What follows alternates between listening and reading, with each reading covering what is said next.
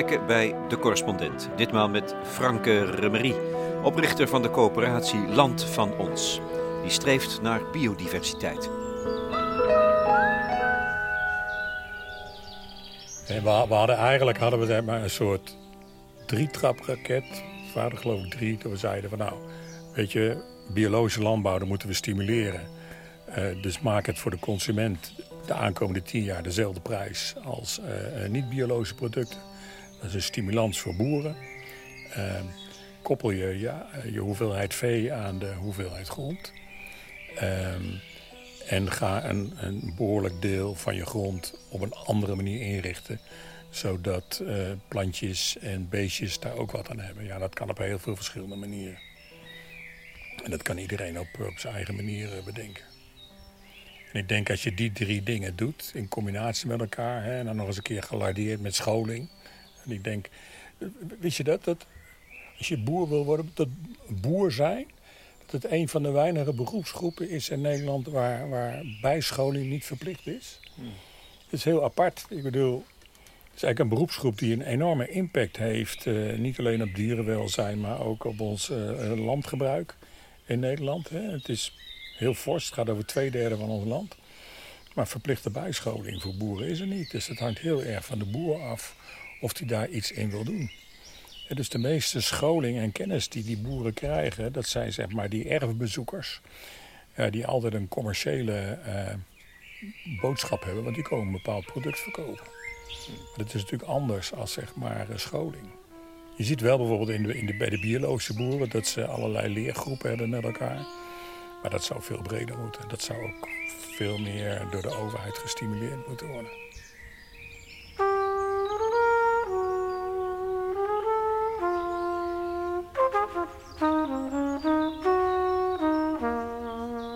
Franke Rummerie is medeoprichter van Land van Ons. Een coöperatie die zich richt op het opkopen van grond. Om zo de overgang naar een natuurinclusieve manier van boeren te kunnen stimuleren.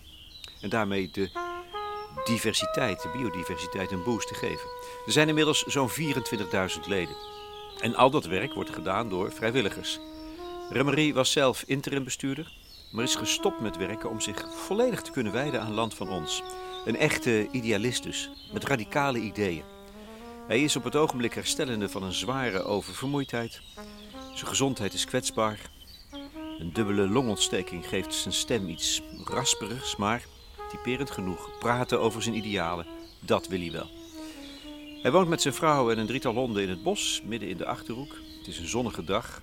Hier en daar slaat de geur van pas gemaaid grasje in het gezicht. En achter het huis ligt een diepe tuin met vijvers, waarin je iets van het oorspronkelijke ontwerp kunt zien. Maar de tuin is inmiddels volledig verwilderd. Het gras staat 50 centimeter hoog. Nou, Franke, je bent goed in verwilderen. In laten verwilderen zie ik hier. Ja, mooi hè? Dat, tenminste, ik vind het heel mooi. Ja. Ja, wat je, wat je hier niet ziet, hè, dat is zeg maar een, eh, een, een hele mooie aangelegde boordentuin of zo. Maar dit is echt helemaal verwilderd. Elke vierkante centimeter is... Er staan planten op. Ehm, planten die bloeien, maar ook irritante planten als kleefkruid en brandnetel en heermoes en nou van alles. En dat vind je niet erg? Nee, nee, nee. Ik kan er eigenlijk... Uh, het, het, het, grappige is dat ik op een gegeven moment heb ervaren... Uh, we hebben een heel, groot terras hier ook. Uh, en tussen, tussen die tegels, daar komt ook allemaal uh, plantjes naar boven. Hè, allerlei soorten. En als je daarin gaat zitten trekken als mens... Dan, dan lijkt het helemaal nergens meer op. Dan is het vlees nog vis. En als je het gewoon laat gebeuren... dan die planten zoeken elkaar op en die hebben een soort combinatie met elkaar. En dat worden de meest prachtigste plaatjes in je tuin. Alleen je moet er doorheen kijken.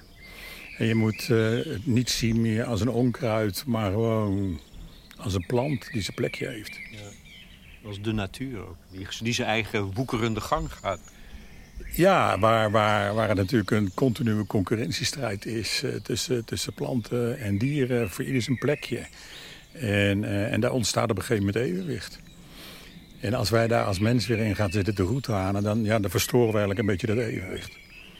Ja. En je wordt er ook nog eens rustig van, hè? Ik word er, ja, want ik, ik, heb helemaal niet de dwang om uh, al mijn vrije tijd hier onkruid te gaan trekken. Dus het, uh, ik heb heel veel tijd voor andere dingen. Voor boeken lezen, voor genieten, naar de vogeltjes luisteren. ik, ik maai ook Noordgras. dus dat staat, maar dat, dat zie je hier. dat hier op dit moment het, het, het, gras 50 centimeter hoog staat. Ja, en dat, dat kan ik maaien. En op een gegeven moment uh, ga ik het wel een keer maaien. Maar uh, voor de rest laat ik het gewoon lekker gebeuren. Het is wild, in het bos, de vogels zingen. En, niet vergeten, het is een lusthof voor de insecten. Ja, ja, ja, ja. er zitten hier heel veel uh, vliegjes, mugjes, libelles, vlinders, nou van alles. Spinnetjes, als je goed kijkt, dan, dan die diversiteit aan aan, aan, de combinatie ook met water wat we hier hebben eh, en, en, en, de planten. Ja, dat, dat geeft heel veel biodiversiteit. En dus ook heel veel insecten. Dat is heel leuk. En daar hou jij met name van? Ja, ja, ja. Ik, ik ben al jarenlang... Uh, uh, drie weken per jaar dan, uh, dan vlinder ik. in het buitenland, want hier in Nederland valt niet zoveel te vlinderen, helaas. En dan ben ik drie weken meestal in de bergen, hoog in de bergen alleen maar bezig met vlinders determineren en naar het landschap kijken en me afvragen waarom daar bepaalde dingen wel groeien of voorkomen en hier in Nederland niet. Verbanden proberen te zien. Ja. Kan jij überhaupt nog onbevangen je bewegen door de natuur? Door dit land? Nou, dat vind ik wel heel moeilijk. Ik kijk altijd wel met een bepaalde blik ik probeer wel te genieten, maar ik zie ook wel ja, de dingen die me dan storen. Ja, Of de, de dingen waar ik juist, ja, wat ik zeg, waar ik van kan genieten. Maar dat is helaas steeds minder. Ja, en dat is... Uh... zelfs hier in deze ja, bijna paradijselijke omgeving. Ja, niet, niet hier direct, hè. dit is gewoon een oase, maar om je heen. Ja, want mijn, mijn, mijn buurman is natuurmonument. Hè. Nou, natuurmonumenten doet gelukkig heel veel goede dingen. Maar ze doen soms ook hele stomme dingen. Hier, hier tegenover zit een, eh, een niet zo'n groot bos, heel erg verwaarloosd. Nou, ideaal, fantastisch. Er zitten heel veel spechten en torretjes en beestjes. En, ehm, en wat ze daaraan... En eigenlijk is het helemaal geen productiebos, hè? want het is een beetje een allegaatje van van alles en nog wat. En daardoor is het gewoon heel mooi, heel divers. En ik denk inmiddels tien jaar terug, uh, toen uh, bedachten ze dat er toch wat hout uitgehaald moest worden. En dan komen er van die enorme machines. En, uh, en dan voor die paar kuub hout die ze eruit halen, reizen die hele bodem van het bos reizen aan, aan gort. En, en als je daar dus oog voor hebt, en zo kijk ik er dan over naar, dan, we zijn nu 10, 12 jaar verder. Je ziet nog steeds de sporen van die machines. En je ziet ook wat het met, met de plantengroei doet. dat zijn de stukken waar uh, nu alleen maar bramen staan... waar enorme grote sporen van die voertuigen zitten... waar de, de schimmelpopulaties eigenlijk helemaal naar, naar gort zijn gegaan. Ja, en dat zie je terug in de plantengroei. Dat is heel jammer. Ze hadden daar gewoon met de fik aan moeten blijven. Zo, zo, zo, zo, kijk ik dus wel. Ja, ja, ja, maar dat is niet vrolijk. Dat is, terwijl in 2019 ben je begonnen met Land van Ons, om een daad te stellen. En niet veel later heb je de keuze gemaakt om je volledig toe te wijden daaraan.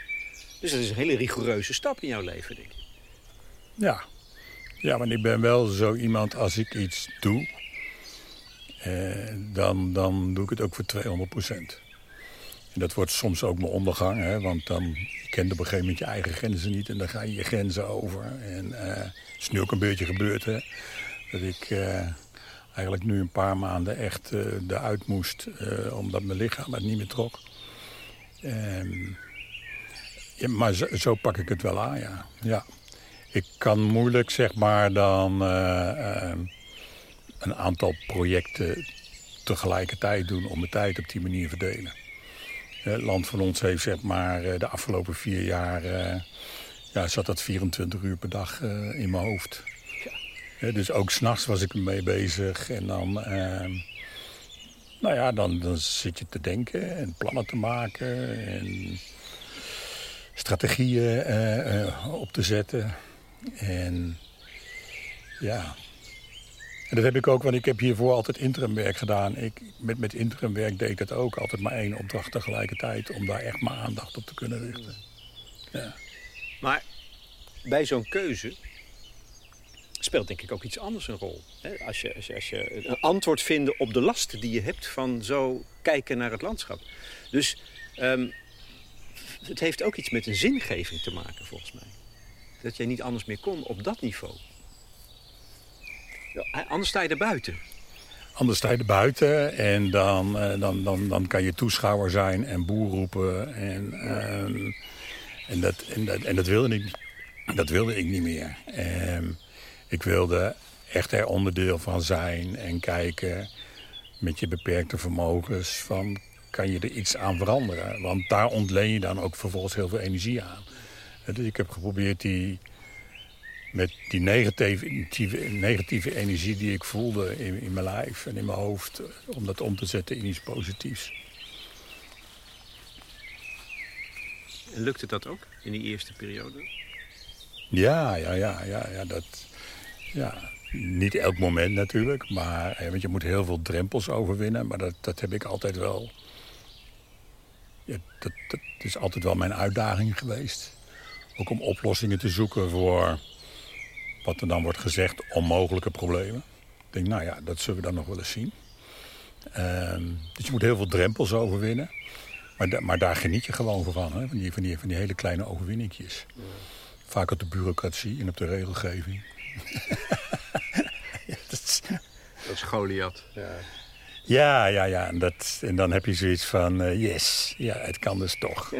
uh, uh, gewoon domkopperig doorgaan, je soms nergens iets van aantrekken. Kijk, verandering ontstaat pas op het moment dat je de grenzen opzoekt en soms de grenzen overgaat. En als je dat niet wil, en heel veel mensen die willen dat niet, want die, die, dat zit gewoon niet in. Maar als je, als je die grenzen opzoekt en, je haalt een klein succesje, ja, dat is gewoon heel leuk. En op die manier ben je, hoe klein ook, hoe groot ook, hoe somber ook of hoe, um, hoe energiek, je bent van betekenis. Ja, en een, heel klein beetje van betekenis zijn. Want ik probeer ook altijd wel naar de langere termijn te kijken. Hè, van oké, wat we nou aan het doen zijn. Wat heeft het nou echt op de... Hè, want natuur, natuurontwikkeling, biodiversiteit, landschapsontwikkeling... dat is echt iets van de lange termijn. Uh, gaan we dit nou ook op de lange termijn redden? Dus dan, dan komt die somberte wel weer een beetje naar boven. Maar, maar zeker voor de korte termijn. Uh, dat, dat hoor je ook aan de reacties van mensen die meedoen. Uh, van dat ze er energie van krijgen en dat het zingeving is. Ja. En dat is Zinge deze zingevend is het, hè? Ja, en dat is deze tijd is dat wel heel belangrijk. Ja. Want we zijn elkaar natuurlijk een beetje kwijtgeraakt. En uh, het, het gevoel met onze leiders is, is weg. En, en dat is jammer. En, en, en, dat is natuurlijk ook een van de redenen om met Lands van ons te beginnen. Om te kijken van ja, verdomme. Uh, het lukt onze leiders niet om hier een kentering in te bewerkstelligen eigenlijk te zot voor woorden, want we weten al lang wat de oplossingen zijn en hoe we het moeten doen. Ik bedoel, daar zijn honderden rapporten over geschreven. Dus het gaat helemaal niet meer om de vraag van wat we moeten doen. Het is meer of we het lef hebben om het te gaan doen. En daar heb je leiderschap voor nodig. En dat leiderschap, dat missen we denk ik heel erg. Ja, en ook voor iedereen die, die ermee worstelt. Um, ik denk dat, kijk, een, een, deel is, is heel praktisch. Wat jij ook, daar zult zo over hebben. Je kunt bouwen. Je kunt, je kunt grond kopen, van alles kun je doen. Maar wat we ook nodig hebben is niet alleen maar nadenken over natuur, volgens mij hoor. Maar ook over die andere laag. Die probeer ik even, even aan te stippen van wat is zin, een zinvol leven? Snap je? Dat is op een metafysisch niveau. En dat is iets wat we ook helemaal totaal uit het oog zijn verloren. Maar is het misschien wel heel zinvol om daarmee bezig te zijn? Om dat erbij te betrekken bij die hele uh, gedachtegang? Ja, want we, zijn wel heel oppervlakkig geworden, denk ik, als mensheid. En, en die verdieping is gewoon heel hard nodig. En, maar, dat, maar dat dringt dan maar tot heel weinig mensen door. Ondanks alle, um, alle, alle verhalen die we over ons heen krijgen... over opwarming van de aarde en de, en de ondergang van de biodiversiteit... en alle andere problemen die we hebben ehm, lijkt het op het overgrote deel van Nederland... en misschien ook wel in het buitenland... Het toch zich langs zich af laat glijden. En, en moeilijk in beweging te krijgen is. En dat is jammer, want we hebben juist zeg maar die elkaar nodig om die verandering te bewerkstelligen. Want die verandering, eh, als we die niet gaan doormaken met elkaar, dan, ja, dan wordt het een doodse wereld, letterlijk en figuurlijk. En een hele oppervlakkige wereld. Zullen we even gaan zitten, Frank? Ja. Dan staan we straks hier nog. Come gather round people wherever you roam And admit that the waters around you have grown And accept it that soon you'll be drenched to the bone. If your time to you is worth saving Then you better start swimming or you'll sink like a stone Or the times they are a-changing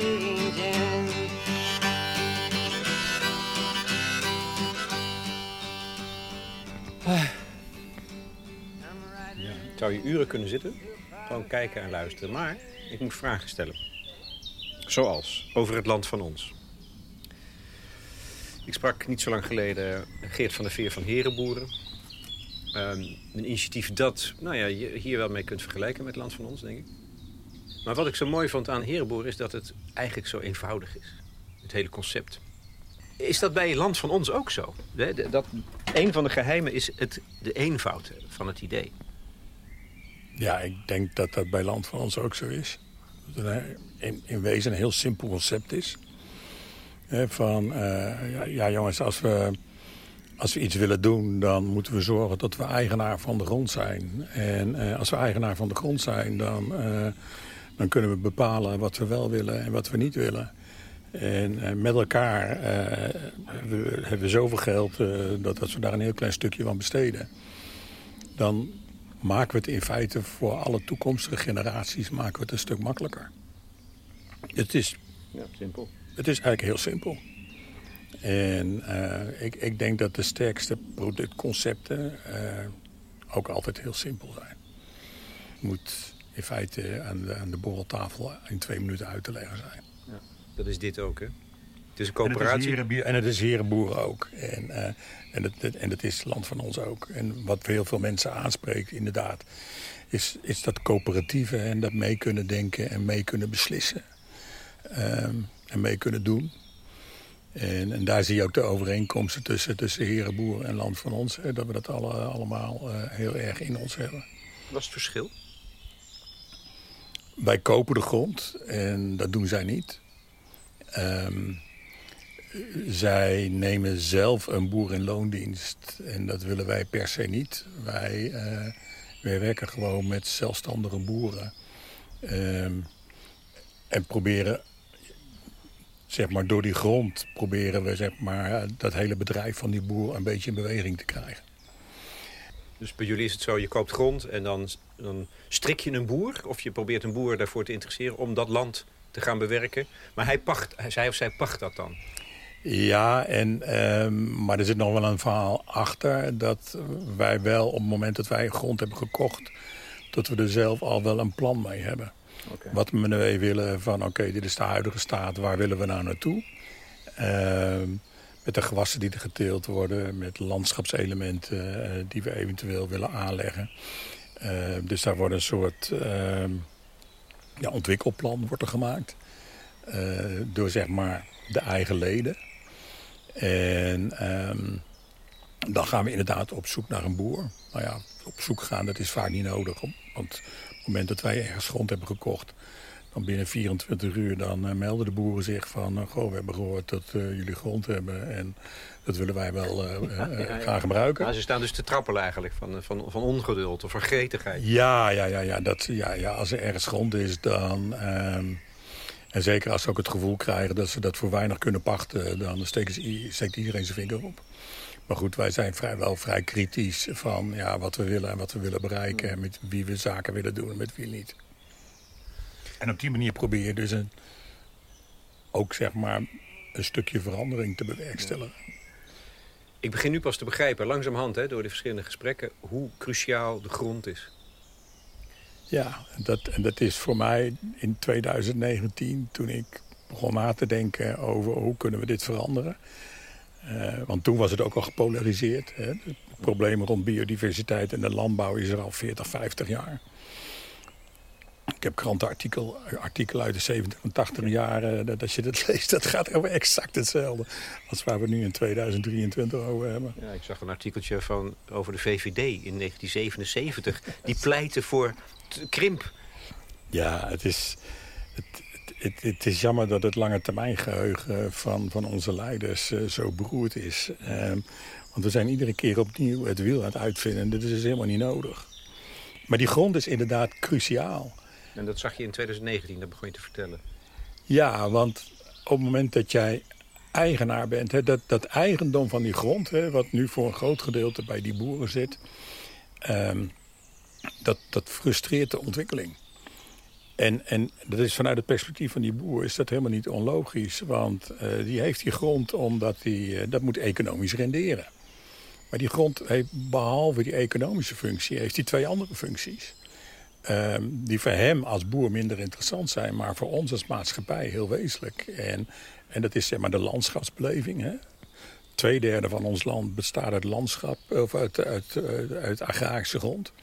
Dus het bepaalt in hoge mate zeg maar, de kwaliteit van ons landschap. En hoe wij ons door dat landschap bewegen, hoe we ervan kunnen genieten of hoe we er ons aan kunnen ergeren. Dus het is voor ons als maatschappij heel belangrijk. En die grond is zeg maar de, de, het fundament voor de biodiversiteit. En dat interesseert die boer ook minder. Nou, de, de meeste mag ik zeggen. Er zijn er zeker die dat wel interesseert. Ja, nee, dat, dat, ja, maar dat zijn helaas nog wel de witte raven. Ik heb twee jaar terug uh, was ik bij een uh, avond en daar werd een film vertoond over bodemboeren. Um, hele leuke film overigens. Um, en die volgde zeg maar, een vijftal boeren in Nederland... Die heel intensief zeg maar, met, met de bodem bezig zijn. En met bodemleven, bodemgezondheid. En eigenlijk is dat, zou dat het fundament onder een agrarisch bedrijf moeten zijn. Nou, er zitten er dus 200 boeren in die zaal. En 190 van die 200 die zitten zo te kijken. En, oh ja, daar had mijn opa het ook altijd over. Maar dat doen we al lang niet meer.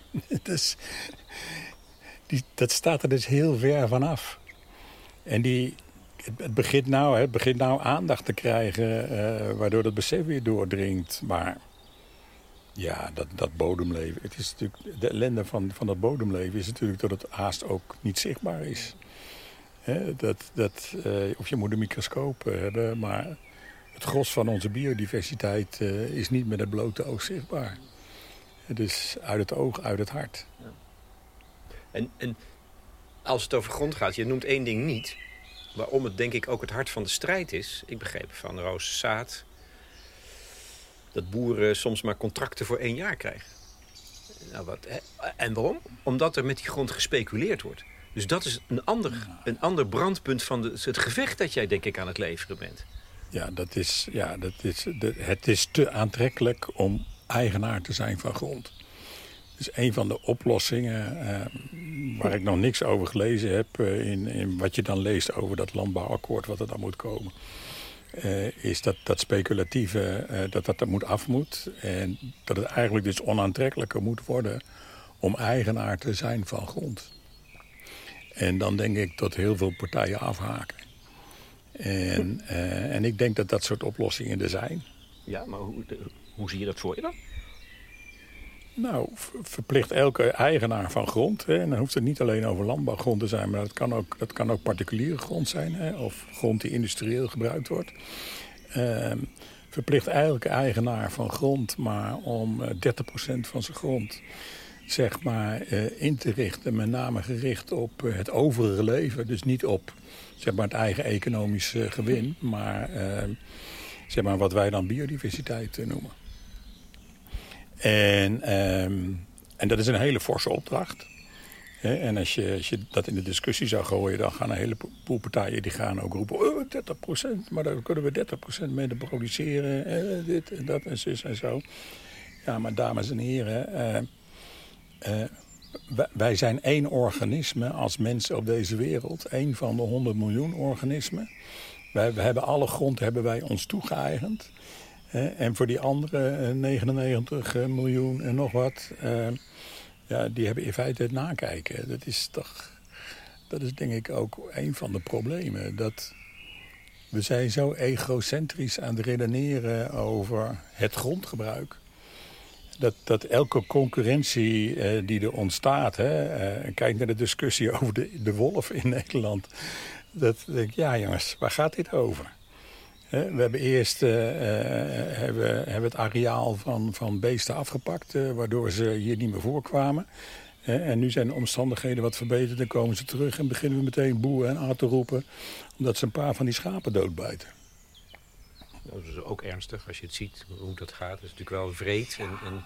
Het, eh, tuurlijk, het is heel vervelend om te zien. Maar eigenlijk is dat wel de, ehm, eh, het wezen van het leven op aarde. Het is eten en gegeten worden.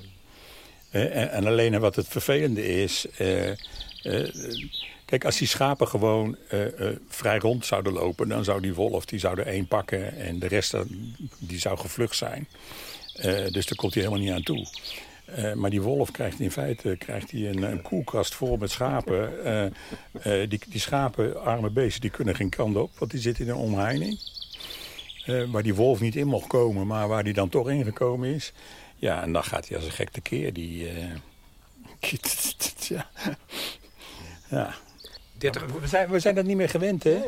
We zijn er niet meer gewend dat we concurrentie hebben. Dat is... Als mens concurrentie, ja, van met andere ja, we, we, we, zien alleen maar uh, onszelf als concurrenten. Uh, ja. ik, ik heb het nooit uitgerekend, maar ik heb er wel eens een voorstelling van proberen te maken... hoeveel geld wij in Nederland uitgeven om onszelf te beschermen. Tegen onszelf, hè? om ons tegen onszelf te beschermen. Kijk nou naar alle zonnepaneelvelden. Hè. Er zijn duizenden hectare zonnepaneelvelden in Nederland die wat maken zijn. Uh, en op elk zonnepaneelveld daar komt een hek van twee meter. Niet om daar beestjes weg te houden of zo, maar omdat we bang zijn voor vandalisme en diefstal. Uh, nou ja, 1%, 1% van de mensheid is daarmee bezig, denk ik. Dus we geven tientallen miljarden uit jaarlijks om dat soort dingen te voorkomen. Het is de omgekeerde wereld. 30% van, dat vind ik mooi, niet van de boeren, nee, maar van alle eigenaren. Weet je, dat is wel heel belangrijk. En dat is één wet, zou je kunnen zeggen. Over simpele oplossingen gesproken. Het, eh, eh, eh, het, is eigenlijk is het een hele simpele oplossing. En dan krijg je natuurlijk alweer de discussie... ja, maar wat is dat dan? Hè? Wat, wat voor maatregelen moet je nemen? Nou ja, weet je ik, ik ben niet zo van te veel aan regelgeving. Dus daar zou ik dan heel veel vrijheid willen gunnen. Ja, jongens, dat is jullie eigen uitdaging. Eh, denk er maar over na. Ga het maar doen. Dus, uh, ongetwijfeld zal er een, uh, een bloeiende adviestak ontstaan... om allerlei bedrijven te adviseren van wat ze dan wel en niet kunnen doen. Want biodiversiteit zit natuurlijk niet alleen in de natuur of op onze landbouwgrond. Het zit overal, ook op de industrieterreinen. Midden in de stad. Ehm, en daar laten we heel veel kansen liggen en dat is gewoon jammer. Ja. En, en, zelfs 10% zou al een begin zijn hè? bij zoiets van 30, 30 kan ik me voorstellen dat dat nog een bruggetje te ver is. Maar 10 zou ook al mooi zijn. Nou, ik zou wel graag hoog willen inzetten. Ja, ik denk dat het ook heel goed kan. En eh, dat je zelfs zonder al te veel uh, verlies aan productie... of dat je tegen extreme kosten aanloopt... Eh, dat, je, dat je met simpele dingen heel veel kan bereiken. Ja. Wat, wat, wij bijvoorbeeld doen, zelf met, met, met, met in de landbouw, met Land voor Ons... Hè, is dat, je, dat we dus aan het experimenteren zijn met andersoortige gewassen. Wat, wat wij dan genoemd hebben de dubbeldoelgewassen. Dus die niet alleen maar een product opleveren, maar ook interessant zijn voor, uh, voor biodiversiteit. Bijvoorbeeld voor insecten of voor vogels. Um, en dan sla je twee vliegen in één klap. Alleen het jammer in Nederland is, is dat het, eh, de, de, de vijf grootste landbouwgewassen in Nederland... Uh, die zijn, als je het over biodiversiteit hebt, zijn ze gewoon van nul en geen waarde. En dat, en dat is gewoon jammer. Maar als we daar alleen aan een slag zouden maken... door andere gewassen te gaan telen... waar ook een markt voor is, dan zouden we al heel veel weten te bereiken. Kijk, grasland uh, is aan zich heel in, kan heel interessant zijn voor biodiversiteit. Alleen de wijze waarop wij het grasland tegenwoordig beheren, agrarisch beheren, ja, dat maakt gewoon dat het van, ook van nul en geen waarde is. En dat is gewoon jammer. Grond. Cruciaal. Dan is jullie kopen grond. Hoe, de tegenstand lijkt mij groot. Want de belangen zijn groot van eh, de eigenaren. Eh, van sommige grote grondbezitters, om ze zo maar eens even te noemen. Dus lukt dat met land van ons om, om grond weer terug te kopen, als het ware? Opnieuw eigendom te maken, eigen eigendom. Ja, want we hebben, kijk, wij, wij zijn natuurlijk bij een heel klein spelertje. We hebben nu een uh, paar honderd hectare grond gekocht. Dan gaat het natuurlijk al over best heel veel geld. dus er is denk ik inmiddels uh, sowieso 20 miljoen geïnvesteerd denk ik, in die grond. Maar we hebben 2 miljoen hectare in, in Nederland landbouwgrond. Dus die grondmarkt ehm, die is er wel degelijk. Dus het is in die zin is het niet super ingewikkeld om aan grond te komen. Maar moet je niet veel te hoge prijzen betalen, om maar eens iets te noemen? Nou ja, zeker de laatste twee jaar uh, reist dat de pan uit. En dat, dat, is, dat komt met name ook door de overheid die zich heel erg op die markt is gaan begeven. Uh, provincies die op allerlei plekken grond kopen of complete boerderijen kopen. Ja, Franke, dan is de overheid je, die tegenstander. Ja, eigenlijk wel. Ja. ja. Want, want kijk, het principe van Land van Ons is van... Uh, we moeten, moeten eigenlijk als burgers... zouden we een substantieel uh, eigendom moeten hebben in die grond. Omdat die grond zeg maar, voor onze eigen leefomgeving zo belangrijk is. In normale omstandigheden zou een overheid daarvoor zijn. Maar die overheid die, die is, is daar niet van. Die is zo aan het korte termijn denken. Um, dat eigenlijk elk doel voorbij schiet. En, en, en nu is die overheid in feite een soort concurrent eh, geworden. Naast zeg maar de normale speculanten die er natuurlijk zijn. want we, hebben veel te veel geld in Nederland. Dus, uh, en, en al die mensen met heel veel geld die, die zoeken gewoon een bestemming. En grond is zeg maar, zeker de laatste paar jaar gewoon erg populair geworden. Een soort goud als, als investering. Ja, en, en, en dat soort partijen ziet dat het ook met name een lange termijn uh, verhaal is. En uh, de praktijk de afgelopen decennia heeft ook geleerd dat grond heel waardevast is. Ja, en dat is voor mensen met geld is natuurlijk wel, dat is wel heel belangrijk. Ja. Overigens, als je zo'n maatregel in zou kunnen voeren, hè, bij wet eh, 30% teruggeven dan wordt het voor heel veel eigenaren minder interessant. Dat is, dat is de achterliggende gedachte, denk ja, ik. Ja, want dan moeten ze kosten gaan maken. Kijk, en de, en, en de tweede maatregel die ik er dan uh, uh, ook nog aan toe zou willen voegen...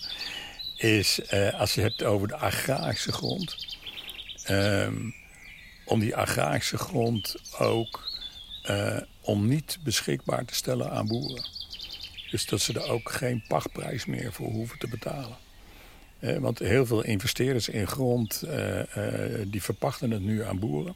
En eigenlijk moet je, hetzelfde met, met, met, met, met drugs, je moet, je, moet, het moet, je moet het prijstechnisch moet je het niet meer interessant maken. Je, moet, je moet die grond moet je gewoon gratis moet je beschikbaar stellen. Kijk, en dan, dan denk ik dat je vanzelf het marktmechanisme krijgt... dat als, als een boer het gratis kan krijgen... Ja, dat het eigenlijk ook heel bedrijfseconomisch onverstandig is... dat hij zelf nog die grond en eigendom heeft. Dat kost hem in feite alleen maar heel veel kapitaal. Ehm, dat eh, begrijp ik dan niet, want het is gratis. Dus waarom kost het hem dan kapitaal? Nou ja, zeg maar dat het, een, dat het een stimulans is voor boeren die nu eigenaar zijn van grond... Hmm. om die grond ook te verkopen en gratis terug te pachten. En dat maakt de, de drempel om boer te worden uh, veel en veel lager. Ja, want we, hebben, als wij die omslag willen maken in Nederland met, met, met de landbouw, dan hebben we ook een nieuwe generatie boeren nodig. Maar die nieuwe generatie, eh, die drempel om boer te worden is zo hoog door die kapitaallast die je mee moet eh, trekken. Ehm, dat daar heel veel mensen op afhaken. En, eh, en soms ook de verkeerde mensen aantrekt en dat wil je niet. Het is ook buitengewoon ironisch, hè, waar we nu over praten... dat we als, als, als burgers het land terug moeten zien te, krijgen... door het in dit geval te kopen, zoals bij jullie. Want eh, zoals als het gaat over uh, biodiversiteit en natuur en landschap... dat daaronder ligt een heel vraagstuk van zingeving, vind ik. Wie is de mens en uh, wat is zijn plek? En wat is, wat is mijn betekenis? Zo ligt hier een vraagstuk van democratie onder, denk ik. Ja, ja, ja, ja. Ja, want wij, wij, wij, leven natuurlijk wel in een democratisch bestel. Maar die, maar die democratie is, is natuurlijk best heel flinterdun. He, wij mogen één keer in de zoveel jaar mogen we een stem uitbrengen. En uh, vervolgens gebeurt er van alles waar ons helemaal niet meer wordt gevraagd wat we daar nou van vinden. Um, en ik denk dat, dat dat anders kan. En op het moment dat je ergens eigenaar van bent, dan schept dat ook een soort verantwoordelijkheid. En ik denk dat dat ook belangrijk is voor onze maatschappij, dat mensen weer verantwoordelijkheid nemen. Want we zijn een beetje lui geworden.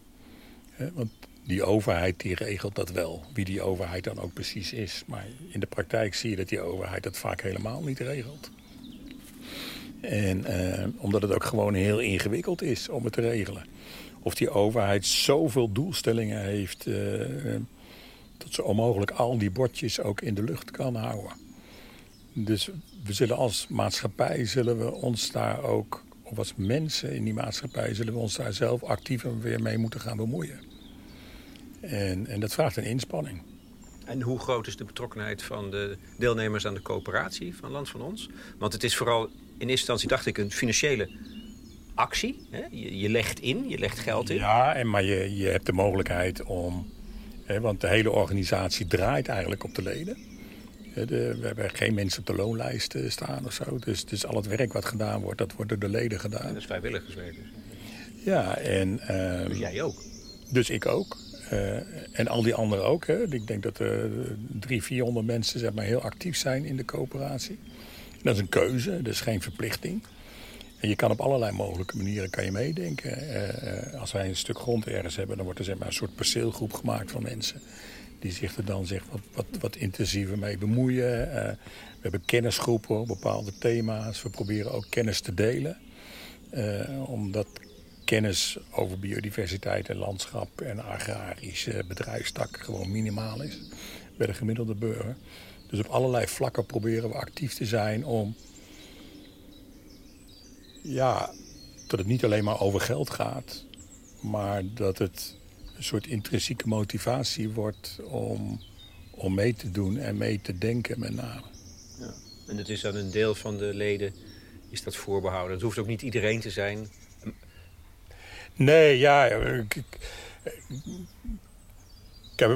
ik, zou het fijn vinden als het, als het een, nog een veel groter percentage zou zijn. Het is wel overigens waar, waarom we dus zeg maar, uh, als er een besluit genomen moet worden... Uh, dat we dat ook altijd aan onze leden voorleggen. Dus al die 3, 24.000 leden die we hebben... Die krijgen dan de kans om vragen te stellen... Dat kunnen ze dan ook, de antwoorden kunnen ze dan ook teruglezen. En ze kunnen hun stem uitbrengen. Of ze voor of tegen een bepaald besluit zijn.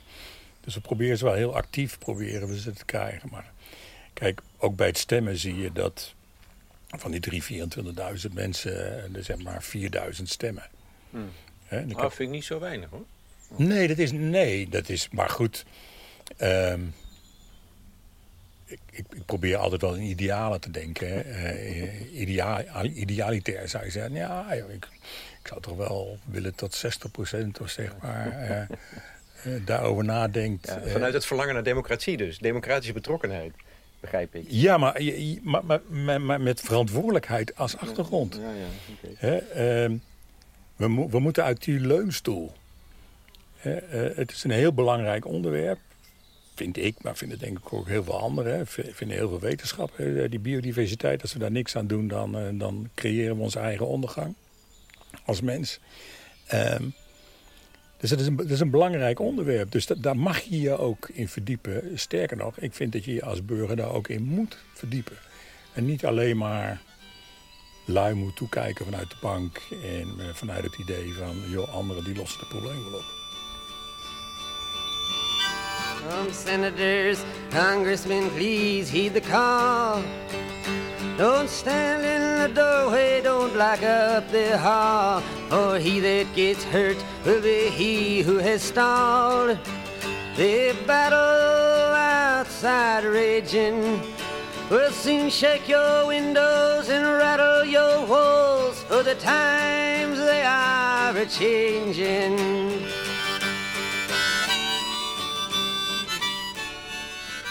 Zijn jullie in het landschap van het debat, bedoel ik nu even, al een stem aan het worden? Ik zag bijvoorbeeld het Groenboerenplan Ja. met tien punten. Ja. Allemaal buitengewoon verstandig. Nou, dat wordt door, door een aantal organisaties ondertekend. En jij bent een van de organisaties met Land van Ons dat het ondersteunt. Nee, dat zijn er al 10, 20 organisaties. Heb je stem als Land van Ons? Of moet je je eh, met al die organisaties gewoon organiseren en één stem gaan vormen? Ja, dat, dat laatste zou ik heel graag willen. Want we, we hebben heel veel initiatieven in Nederland op dit vlak. Of het nou over eh, biologische boeren gaat, of biologisch dynamische boeren, of eh, herenboeren, of caring farmers, of noem ze allemaal maar op. Ehm, er zijn heel veel initiatieven. Ehm, maar iedereen is lekker met zijn eigen initiatiefje bezig. En en eigenlijk die, die verdeeldheid, hè, of die, die versplintering, voorkomt een beetje dat we echt een serieuze stem zijn. En ehm, kijk, het is, natuurlijk, het is natuurlijk te zot voor woorden. Hè. Er, er wordt nu al maanden, is er, zijn er 47 partijen die met elkaar aan tafel zitten op een landbouwakkoord. Eh, En de burger, de burger zit daar dus niet aan tafel. Eh, Maar dit gaat wel over ons landschap, ons voedsel, eh, onze leefomgeving. Maar wij, wij zijn als burgers niet een van die 47. Hè, De hele wereld zit aan tafel, maar dat gaat alleen maar over economische belangen. Eh, en eigenlijk is dat heel raar. Dus ik vind het eigenlijk ook heel raar dat niemand bedacht heeft van... hé hey jongens, missen we nou niet één partij? Dat, eh, we hebben de melkveehouders, we hebben de varkenshouders... we hebben natuurmonumenten, Ja, eh maar door. Staatsbosbeheer... en nou, noem ze allemaal maar op. Jij zit daar als, als land van ons niet aan tafel. Nee. Nee. Nee. Eh, ik dacht, Ik, ik weet ook niet of ik, het, of ik dat uiteindelijk, als het ons gevraagd wordt... of we dan mee hadden gedaan. Omdat ik helemaal niet geloof in dit soort polderoverleg... tot daar iets zinnigs gaat uitkomen. Eh, kijk, dat, dat polderen, eh, dat, is, dat is nou net één van de problemen eh, van, van de staat van onze huidige biodiversiteit. Dat wij gewoon de afgelopen decennia alleen maar gepolderd hebben. Hè. Iedereen moest altijd aan tafel. Dus eh 40 jaar lang heeft, eh, heeft de overheid met eh, de natuurorganisaties en de agrarische bedrijfstak aan tafel gezeten om het probleem op te lossen. En dat is er niet gelukt. En dan gaan ze anno 2023 denken ze dat ze dat opeens wel gaat lukken. Nee. Nee, helemaal niet. Er komt helemaal niks uit. Oké, dus dan doe je niet mee. Maar wat hindert... Kijk, ik, als, je als je herenboeren en land van ons met elkaar vergelijkt... dat is niet zo groot, dat verschil. Dus waarom geen fusie of samenwerken? Of, en, en daar zitten omheen nog 10, 20 partijen waarvan je denkt... waarom vormen jullie niet één beweging? Massa. Ja, nou, daar, daar hebben we best gesprekken met elkaar over. Ehm, ik bedoel, die, die, die gedachte is natuurlijk wel regelmatig naar boven gekomen. Hè? Dat we inderdaad met een aantal partijen gewoon eh, zo'n heide sessie hebben gehouden... om te kijken van jongens, wat, wat bindt ons nou en wat, wat kunnen we voor elkaar betekenen... en moeten we er niet zeg maar, opgaan in één iets groter geheel. Ehm, ik, ik denk dat er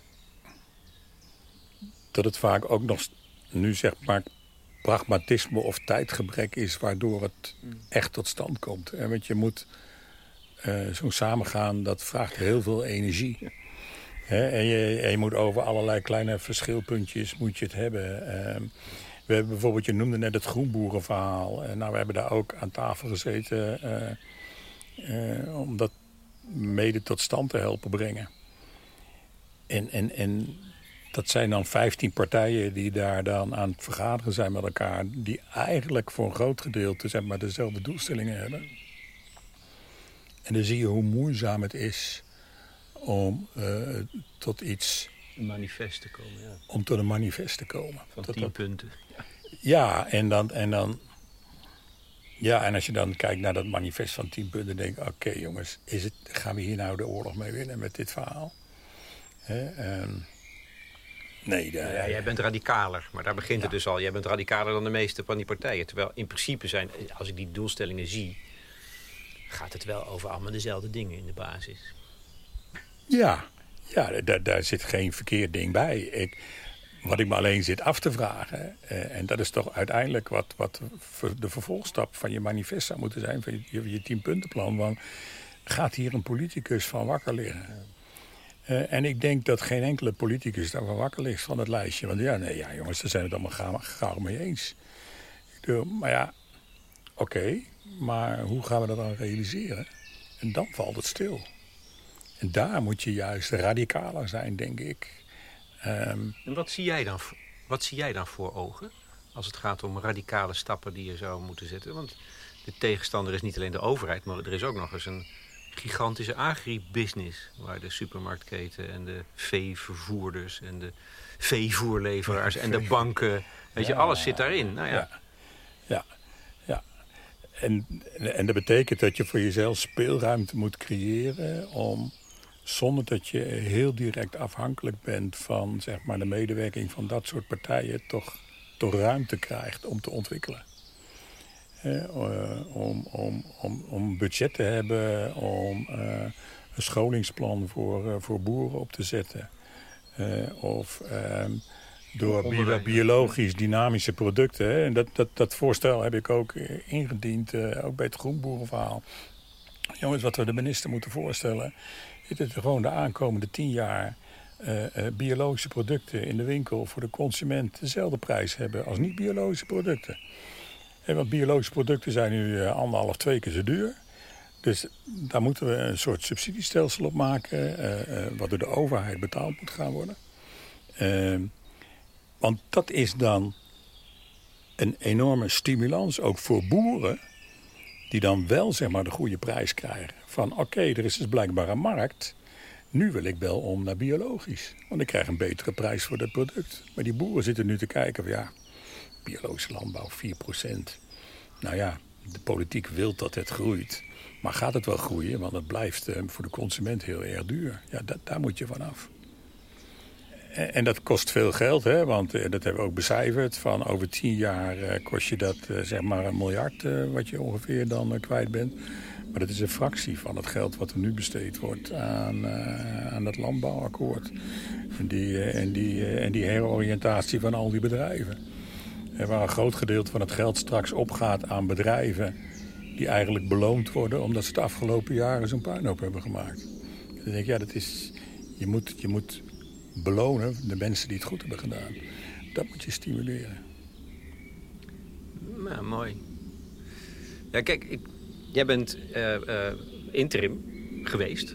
Want dat heb je opgegeven volgens mij. Ja.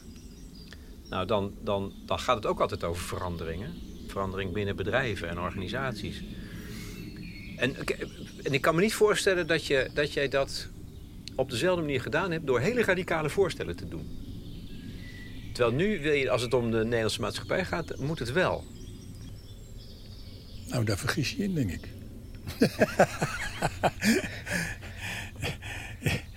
ja, ik... Uh... Oké, gelukkig. Ja, als ik overtuigd ben dat het... en het gaat niet om een radicaal voorstel te doen. Dat is, dat is geen doel op zich. Nee. Maar als ik, als ik de overtuiging heb dat het echt op een hele andere manier moet... hoe radicaal het ook is... Um, ja, dan, dan ga ik ervoor. Dus dat heb je ook in jouw arbeidzame praktijk als, als uh, interim... heb je dat gewoon gedaan? Ja, ik, ik, ik uh, ben... Uh, ruim zes jaar interimmer geweest. dat was op een gegeven moment geen interimmer meer. Van een, uh, van een scholengroep. Met 21 scholen. En uh, Nou, daar, was, was van alles aan de hand. Ehm, maar dat waren 21 over het algemeen wat kleinere scholen. Niet super groot, hè, hier in de regio, in de, in hele achterhoek verspreid. En eh, in die periode eh, eh, stond de krimp voor de deur. Want er mocht hier niet meer gebouwd worden in de Achterhoek. En de demografische ontwikkeling gaf aan dat, dat over een periode van een jaar of 7, 8... dat we ongeveer 30, 35 procent minder leerlingen op de scholen zouden krijgen. de financiering in het onderwijs hangt één op één aan het aantal leerlingen. En ehm, dus toen ik daar begon, eh, toen zei ik tegen die 21 directeuren... hoe zijn jullie bezig met de krimp? Want wij raken hier, eh, eh, als we niks doen, we, raken, we raken hier een derde van onze leerlingen kwijt. Dus een derde van onze financiering. En dat betekent dat een derde van ons personeel weg moet. want de 80% is personeelskosten. Ze keken je vast met grote ogen aan. het, ja, nee, daar zijn wij nog helemaal niet mee bezig geweest. Dus toen, Kijk, en dan, dan dat, is een, dat is een aangrijpingspunt om vervolgens zeg maar, een stuk verandering te bewerkstelligen um, binnen zo'n hele scholengroep. Bijvoorbeeld over samenwerking. Ja jongens, hoe werken wij nou samen met elkaar? Heeft iedere school zijn eigen specialist uh, uh, of gaan we specialisten delen met elkaar? Ja, iedereen heeft nu zijn eigen specialist. Zei, nou, het lijkt me heel slim om specialisten met elkaar te gaan delen. Ja, want dan kunnen we veel meer bereiken. Ehm, eh, hoe onderscheiden we ons nu in de markt? Dat waren gereformeerd, christelijke gereformeerde scholen. Dus het is grappig dat ik daar als interim binnenkwam, want daar had ik niet zo heel veel mee. Maar dat vond het bestuur niet zo heel erg. Um, ik zeg, hoe onderscheiden jullie nou van het openbaar onderwijs en het katholiek onderwijs? Want ik zeg, ja, als ik bij jullie naar binnen loop in de scholen, ik zie het niet. Ik, eh, ik ervaar het niet. Ik wil het heel graag ervaren, want dat maakt of, of mijn keuze als ouder eh, eh, zeg maar ook de goede keuze is. Dus jullie moeten veel meer zeg maar, ook met je eigen profilering en je eigen marketing bezig zijn. Maar als ik hier met een blik als ouder kijk... Nou, ik word over het algemeen niet heel, heel blij als ik hier de school inloop wat, wat voor soort onderwijs jullie aan het geven zijn. Ik bedoel, ik word, ik zou als, als ik kind zou zijn, zou ik er niet enthousiast voor worden. Dus uh, laten we daar eens over nadenken. Knuppel in het hoenderhok. En, en daar, hebben we dus, daar hebben we dus met elkaar best heel veel bereikt. Jij, jij durft radicaal strategisch te denken. Op de lange termijn, maar hele confronterende vragen te stellen... en uh, radicale plannen te maken. Dat is wat er nodig is. Tegen een ja, wat is die overheid dan? Bang of zo? Nou, ik, ik, ik, ik weet niet of het echte probleem bij de overheid zit. De, de, de overheid is denk ik... Er is natuurlijk niet één overheid. We hebben het altijd over één overheid. Het, zijn, het zijn natuurlijk 40, 50 verschillende overheden... die zich er allemaal op de een of andere manier mee bemoeien. Het zijn allemaal mannetjes en vrouwtjes. Uh, uh, allemaal heel zinnig denkende mensen. Het zijn zeker geen domme mensen, uh, maar ze zitten wel in een bepaald stramien. Um, en het is heel moeilijk om uit dat stramien te komen waarin ze zitten. En om dat te doorbreken heb je um, leiderschap van boven nodig. Heb je een kabinet nodig, heb je een eerste minister nodig... Uh, en, gedekt door allerlei andere houten methoden van de Nederlandse Bank en de Rekenkamer en planbureau voor de leefomgeving. Heb je mensen nodig die de rug recht houden en die gaan voor een stukje verandering. maar daar ontbreekt het aan. En dat, dat slaat ook een stuk creativiteit. Bij die ambtenaren slaat dat gewoon dood. Want die durven niks meer. Die komen niet met creatieve ideeën, want die zijn al 86 eh, keer uh, zijn die ideeën uh, neergezabeld en in de la verdwenen. dus ze komen allemaal met hele obligate oplossingen. en de enige lachende partij, dat is zeg maar de, de, agrarische industrie... die helemaal geen belang heeft bij verandering. En dat is een enorme economische factor. En of dat nou uh, de Rabobank is, of Campina Melk of de, de veevoederindustrie, of de, de, de, de, gemechaniseerde industrie in Nederland. al die partijen maken met elkaar dat, uh, dat wil je wat bereiken, uh, je een overheid hebt die, die lef heeft en, en zijn rug recht houdt voor die hele noodzakelijke verandering. En zolang we dat niet hebben, wordt het gewoon heel moeilijk. Of zal het van burgers moeten komen. Er gaat een grote hommel langs. Nou, is een, ja, nou, het is een hoornaar. Een hoornaar, oh ja, die bromt ook vervaarlijk. Een van jouw geliefde insecten. Ik, uh, ik wens je uh, uh, goed dat je goed ik wens je toe dat je goed herstelt, Frank. Hè? Ja. ja. dat hoop ik ook. Daar verlang ik erg naar, moet ik zeggen. Ik wens je het echt het allerbeste. Dus dank je wel. Graag gedaan.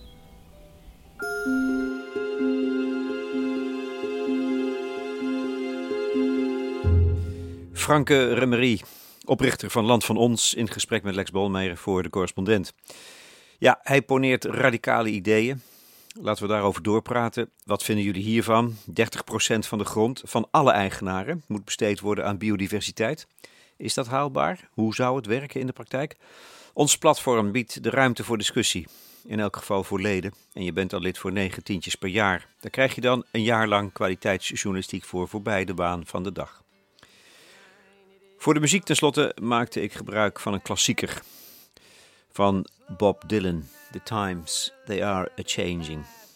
Rauwe, doorleefde stem. Ook al lekker rasperig.